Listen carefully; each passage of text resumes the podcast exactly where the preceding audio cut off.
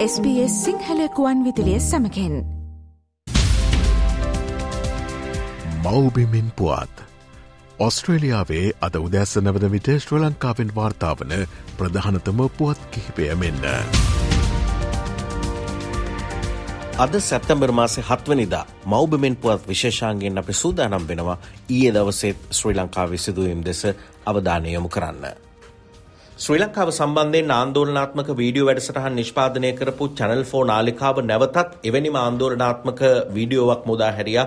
පසුගිය සැප්තැම්බර් පස්වනිදා රාත්‍රියේ විනාඩි 50ක කාලයක් සහිතව දිවෙන වාර්තා වැඩසටහනක්. මේ වාර්තා වැඩසටහන එමගින් පාස්කු ප්‍රහාරය පිළිබඳව ඇඟිල්ල දිගු කරපු පාර්ශව කිහිපයක් ඉන්නවා. එහිදී රාජපක්ෂවරුන් යලි බලයට පැමිණීම සඳහා ක්‍රියාත්මක කරපු ව්‍යාපෘතියක් හැටියට තමයි මේ වැඩසටහනට ප්‍රධාන වශයෙන් තොරතුරු ලබා දීලා තියෙන සිවනස්තුරේ චන්ද්‍රකාන්තන් හෙවත් පිල්ලයාන්ගේ මාධ්‍ය ප්‍රකාශකවරයා විදියට කටයුතු කරලා ඉන්න. දැනට ස්විට්සලන්තේ දේශපාලන රැකවරණය පතන අසාද් මෞලානා තොරතුරු අනාවරණය කරලා තියෙන්නේ. ඊට අමතරව තොරතුරු ලබා දෙන කණ්ඩායම් විදිහට සුදුවෑන් චෝදනා සිද්ධිය අතරතුර රටින් පලා ගිය අපරාධ පරීක්ෂණ දෙපාර්තමේන්තුවේ නිලධාරියෙක් විදිහට කටයුතු කරපු නිශාන්ත කන්දප්පා තොරතුරු ලබා දීලා තියෙනවා.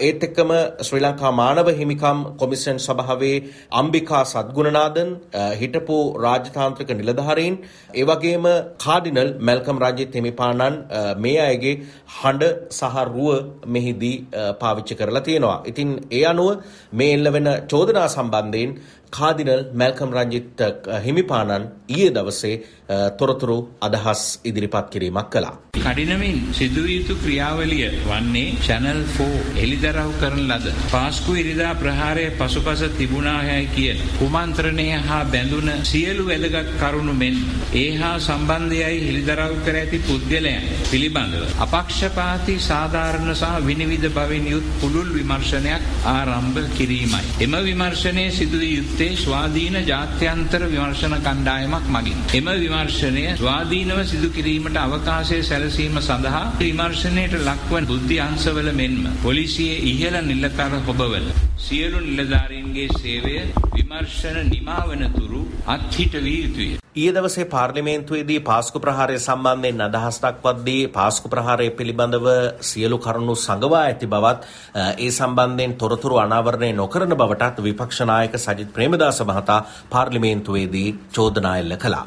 පාස්කු ප්‍රහාරය පිළිබඳ කරපු හැම පරීක්ෂණයක්ම හංගලා තියෙනවා. ඇත්ත කතාව හෙළිදරව් කරන්නේ නැහැ. එවන් තත්වයක් තුල අද ජාත්‍යන්තර යම් යම් ක්‍රියාදාමයේ ක්‍රියාත්මක කරනවා මේ පාස්කු ප්‍රහාරයේ සත්‍ය ස්වයන්. ආණ්ඩුව ඇතුලේ ඉන්නද පාස්කු ප්‍රහාරයේ මහ මොලකරුවන්? ඉන්නවද? මොකක්ද ඇත්ත? තානායකතුමනි වහාම මේ පිළිබඳව විනිවිද භාවයෙන් යුක්ත වූ පරීක්ෂණයක් අවශ්‍යයි. දැන් මට අහුණා කියනවා සිලෙක්ට් කොමිටියක් පත් කරනවා. හොඳට තියයි සිලෙක්ට් කොමිටිය. හොරාගේ අම්මගෙන් පේන අහන්න. සිලෙක්ට් කොමිටියේ සභාපති කවුරු කරයිද දන්නේ නැහැ. පාස්කු ප්‍රහාරයේ ප්‍රහාරය මහබලකාරයව දායි දන්නේ සභාපති හැටියට. පාස්කු ප්‍රහාරය සම්බන්ධයෙන් චැනල් ෆෝ නාලිකාව ඉදිරිපත් කරලා තියෙන වාර්තා වැඩසටහන පිළිබඳව නාමල් රාජපක්ෂ පාර්ලිමේන්තු මන්ත්‍රීවරයාත් පාර්ලිමේන්තුවේදී අදහස් පළ කළා.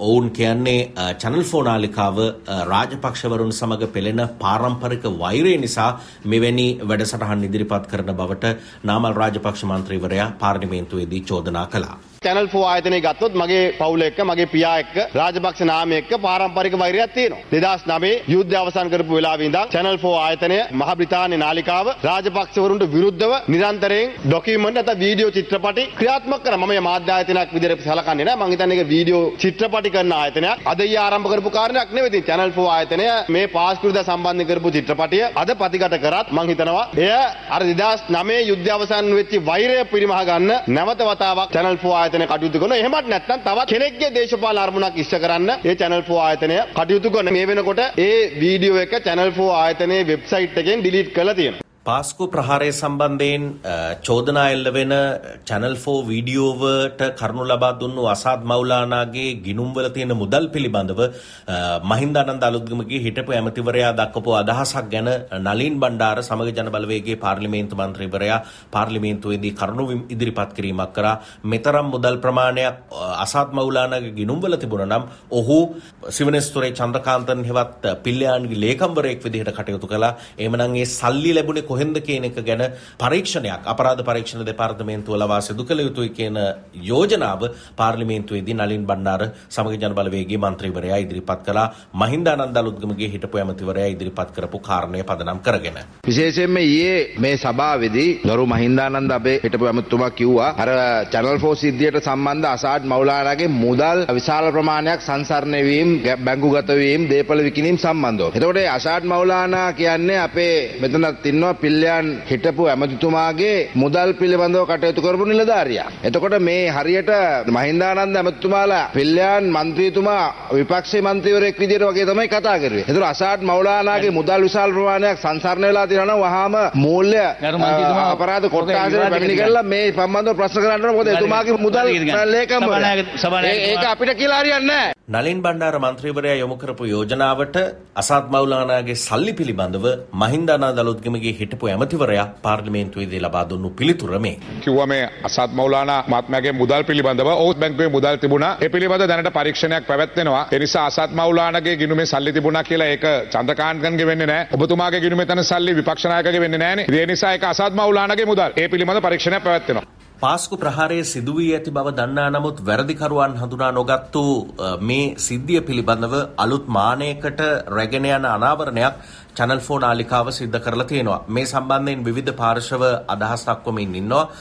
මැල්කම් රංජිත් කාදිනල් හිමිපාණන් මේ පදනම් කරගෙන කියනවා මේ අනාවරණය පිළිබඳව විමර්ශනය කරන්න ස්වාධීන ජාත්‍යන්තර විමර්ශන කණ්ඩායමක් පත් කළ යුතුයි කියලා හිටපු බුද්ධි ප්‍රධානී මේ general Suresh Sallay channel four ඉදිරිපත් කරලා තියෙන කාරණා අසත්‍ය බවට ලිඛිතව චැනල් ෆෝ ආයතනයට තොරතුරු දන්වලා තියෙනවා මේ සම්බන්ධයෙන් කරුණු අනාවරණය කරන අසාද් මෞලානාගේ ප්‍රධානියා විදියට කටයුතු කරපු සිවනේස්තුරේ චන්ද්‍රකාන්ත නෙවත් පිල්ලයන් මේ වීඩියෝ සම්බන්ධයෙන් ජාත්‍යන්තර පරීක්ෂණයක් පැවැත්විය යුතු බව සඳහන් කරනවා. ඒ වගේම ජිනීවා මානව හිමිකම් මහ කොමසාරිස් කාර්යාලයෙන්ුත් නිවේදනයක් නිකුත් කරලා තියෙනවා. පාස්කු ඉරිදා ප්‍රහාරය ගැන ජාත්‍යන්තර සහාය ඇතිව ප්‍රහාරයේ සියලු අංශ ආවරණය කරන ආකාරයට ස්වාධීන පරීක්ෂණයක් පැවැත්වන්න අවශ්‍යයි කියලා ජිනීවා නුවර එක්සත් ජාතීන්ගේ මානව හිමිකම් මහ කොමසාරිස් කාර්යාලයක් නිවේදනයක් නිකුත් කරලා තියෙනවා. මේ සිද්ධි මත පදනම්ව නැවතත් දේශපාලනය තුළ ශ්‍රී ලංකේ දේශපාලනය තුළ පාස්කු ප්‍රහාරය පිළිබඳව ආන්දෝලනාත්මක තත්ත්වයක් ඇති වී තිබෙනවා. බලමු ඒ මත පදනම්ව ඉදිරියේදී ගන්නා ක්‍රියාමාර්ග මොනවා වේවිද කියලා. ශ්‍රී ලංකා නිදහස් පක්ෂය පහුගිය දිනවල ශ්‍රී ලංකා දේශපාලනයේ අලුත් කරුණු මවමින් ප්‍රවෘත්ති මවමින් කටයුතු කරපු ආකාරයක් දකින්න ලැබුණා. ඒත් එක්කම ඊයේ දිනේ ශ්‍රී ලංකා නිදහස් පක්ෂයේ මහලේකම්වරයා දයාසිරි ජයසේකර පාර්ලිමේන්තු මන්ත්‍රීවරයාගේ පක්ෂ සමාජිකත්වය සහ මහලේකම්දුරයා අත්හිටුවමින් මෛත්‍රීපාල සිරිසේන ශ්‍රී ලංකා නිදහස් පක්ෂයේ සභාපතිවරයා හිටපු ජනාධිපතිවරයා තීන්දුවක් අරගෙන තිබුණා. මේ පිළිබඳව මාධ්‍ය සාකච්ඡාවක් පවත්වමින් දයාසිරි ජයසේකර මන්ත්‍රීවරයා මාධ්‍යට කරුණු කිව්වා. පක්ෂයේ තීන්දුව පිටින් ගිහිල්ලා ඇමරිකන් ගත්ත අයට තියෙන අයිතිවාසිකම අදමට නැහැ. ඒ නිසා පක්ෂය අතහැරලා දාලා යන මගේ කිසි බලාපොරොත්තුවක් නැහැ. ශ්‍රී ලංකාවේ දාස් පක්ෂයත් එක්ක මම මෙතන ඉන්නවා. මගේ පක්ෂ සමාජිකත්ව කාර්යකාරී වත් තියෙනවා. ලේකම් ධූරයෙන් මා විවත් කරලා තිබෙනවා. ඒ ලේකම් ධූරයෙන් ඉවත් කිරීම සම්පූර්ණයෙන් නීති විරෝධයි. මොකද ඒක අද දැනගන්න ලැබුණ හැටියට ඊයේ රාත්‍රියේ 7ක දේශපාලන මණ්ඩලයක් තිබිලා තියෙනවා. ඒ දේශපාලන මණ්ඩලයේ හැමදාම ලේකම්වරයා තමයි මේස් ටික ලියන්නේ. තියෙන ගන්න තීන්දුව తీරන ලියාගන්නේ ඈසින් ජැසින් කියන ලේකම්. ඒක මම නැතුව තියෙන දේශපාලන මණ්ඩලයක් ඒ විතරක් නෙමෙයි මම ඇතුළු විශාල පිරිසක් ඒ දේශපාලන මණ්ඩලයට ඇවිල්ලා නැහැ. ඒ නිසා මම හිතන්නේ යම් බීජයක් තිබුණා. මම හිතන්නේ සභාපතිතුමාගේ මම පක්ෂ බලයල්ලා මම සාමාන්‍යයෙන් හිම කරන කෙනෙක් නෙවෙයි. කවදාවත් මට අත දුන්න අත හපාකන මිනිහෙක් නෙමෙයි දැසිරි ජාතික. කවදාවත් ඉතිහාස මම ඒවා කරලා නැහැ. ඒ නිසා මාව පත් කරන්න ශක්තිය දුන්න නායකයාගේ බෙල්ල කපන්න කිසි දවසක මම ක්‍රියා කරන්නේ. ඒක එතුමා හොඳින් අවබෝධ කරගත යුතුයි. එතුමාගේ බෙල්ල කපන්න ඉන්නේ කවුද කියලා හොඳින් එතුමා අවබෝධ කරගත යුතුයි. දෑසිරි ජයසේකර ශ්‍රී ලංකා නිදහස් පක්ෂයේ මහලේකම්වරයාගේ තනතුර අත්හිටුවීම සහ මේ තීරණය ගැනීම සම්බන්ධයෙන් මාධ්‍යවේදීන් හිටපු ජනාධිපති ශ්‍රී ලංකා නිදහස් පක්ෂයේ සභාපති මෛත්‍රීපාල සිරිසේන මැතිතුමාගෙනුත් මාධ්‍යවේදීන් කරුණු විමසීමක් කළා මේ එහිදී ඔහු පළ කළ අදහස්.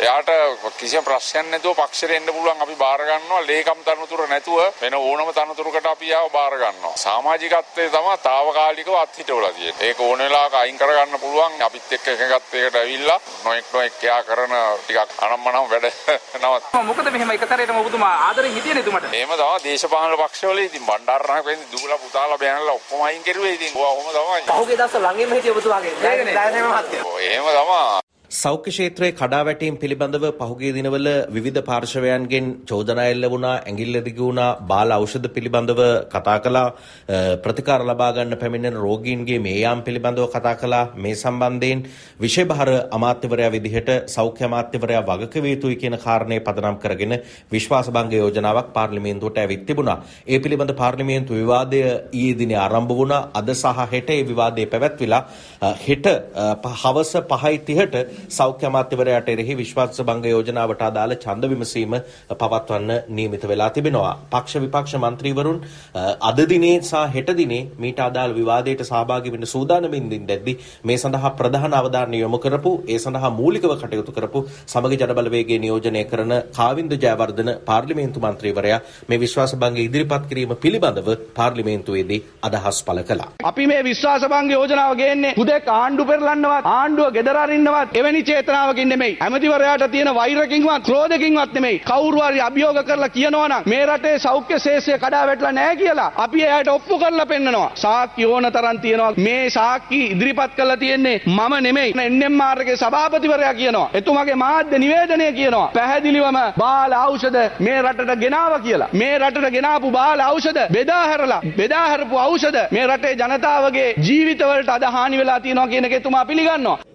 පාර්ලිමේන්තුවේ පැවැත්වෙන විශ්වාස භංගයට අදාළ කාරණා මෙන්ම අද දවසේ ශ්‍රී ලංකාවෙන් වාර්තා වන කාරණා පිළිබඳව හෙට දින මෞබිමින් පුවත් විශේෂාංගෙන් අවධානය යොමු කරන බලාපොරොත්තුවෙන් අදට සමුගන්නවා මම ශ්‍රී ලංකාවේ සිට මනෝජ් උදටියාවල.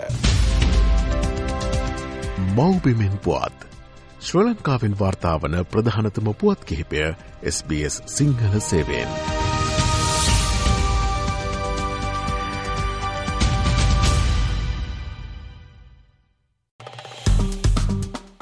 ලයි කරන්න ෂයා කරන්න අදහස් ප්‍රකාශ කරන්න SBS සිංහල ෆස්බුක් පිටුව ෆලෝ කරන්න.